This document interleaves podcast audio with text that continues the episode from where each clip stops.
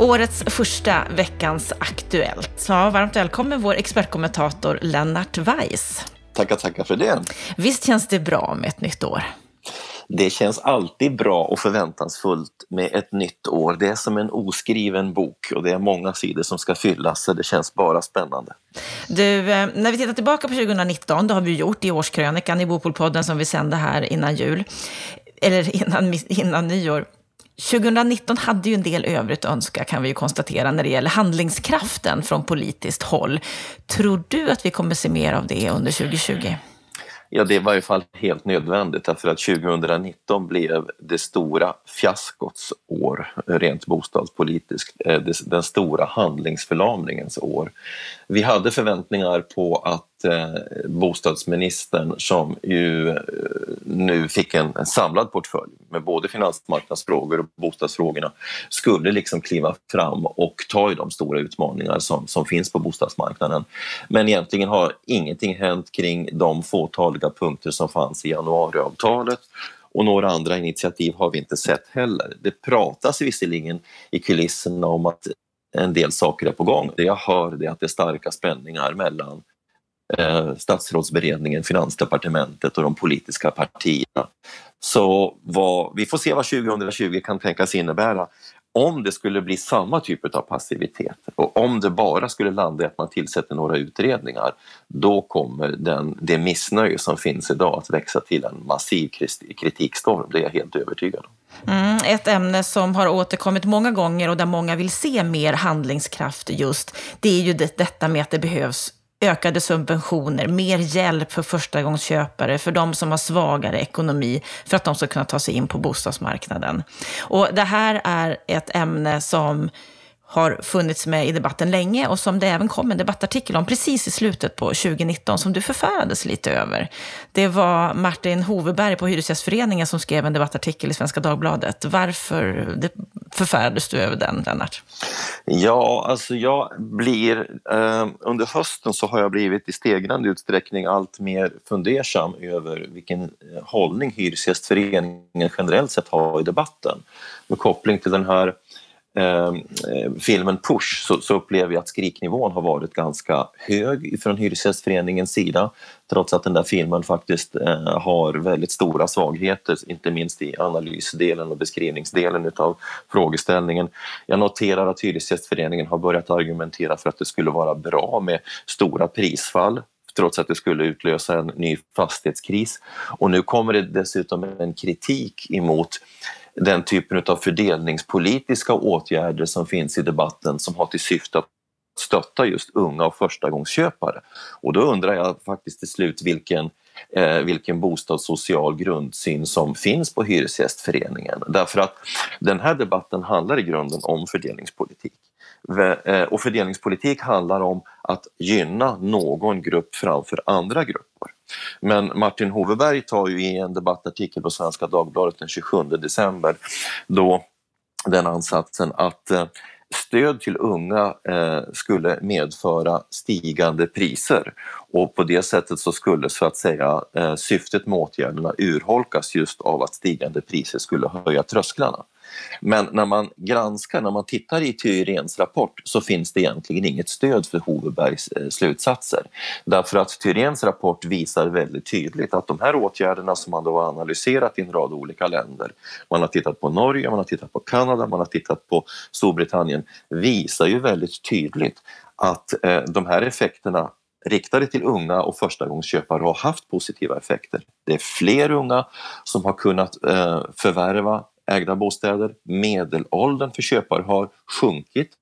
Nyproduktionen har ökat och träffsäkerheten i åtgärderna har varit betydande. Och, och då blir ju kritiken ganska tveksam måste jag säga. Därför att det alternativ som Hoveberg egentligen eh, förordar det är ju omfattande generella subventioner med syfte att öka utbudet. Och vad de kostar, det vet vi. Vi analyserade det i samband med sommarens rapport med titeln Finansiella förutsättningar för att bygga fler hyresbostäder och konstaterade att, att om man skulle bygga 30 000 hyresbostäder, det vill säga ungefär två års, hyres, två års produktion av hyresbostäder till samma hyra hyresnivå som i staden Wien, ungefär 1000 kronor per kvadratmeter år. Då skulle subventionskostnaden bli 37 miljarder kronor per år. Det skulle alltså vara eh, astronomiskt mycket, mycket dyrare att lösa de här bostadssociala utmaningarna på det sätt som Martin Hoveberg önskar än via de åtgärder som tillämpas i en lång rad länder runt om i världen och som också förordas i Sverige. Så att det är svårt att begripa logiken i Hovebergs uh, artikel. Så du menar att han är helt ute och cyklar i sitt resonemang?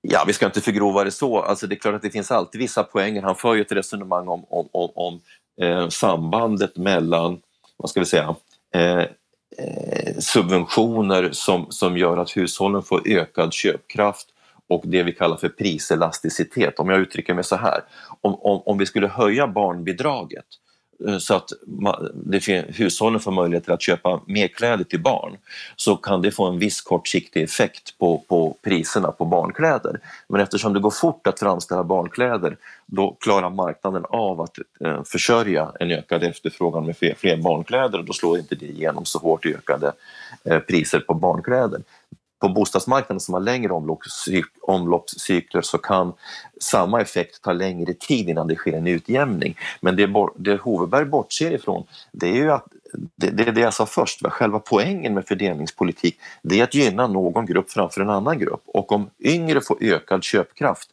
då, då, då, kommer det att få större betydelse för deras möjligheter att få sin konsumtion av bostäder tillgodosedd än en marginell ökad eh, en marginellt ökade priser på hela beståndet.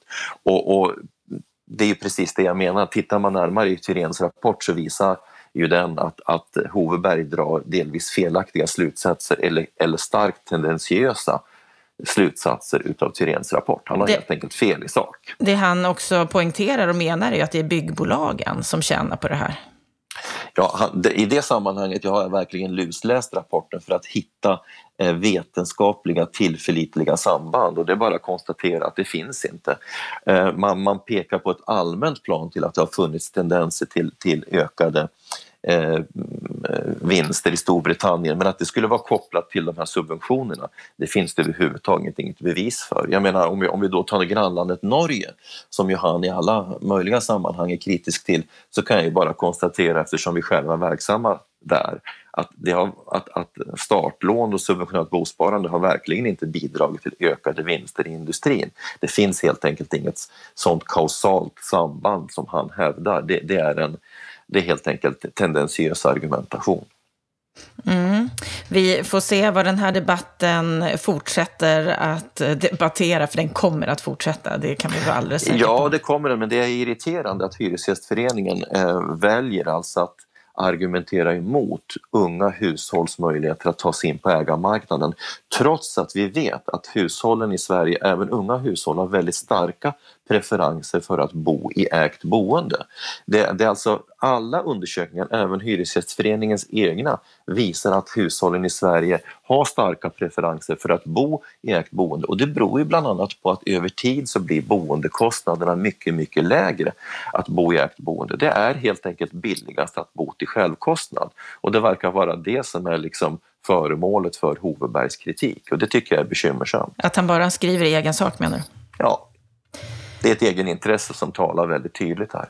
Mm. Ofta är det väl det i debatten och eh, vi kommer att få fler exempel på egenintressen tror jag under året som kommer. Tack så länge Lennart. Om en stund kommer du tillbaka för att kommentera förslagen om modernare byggregler.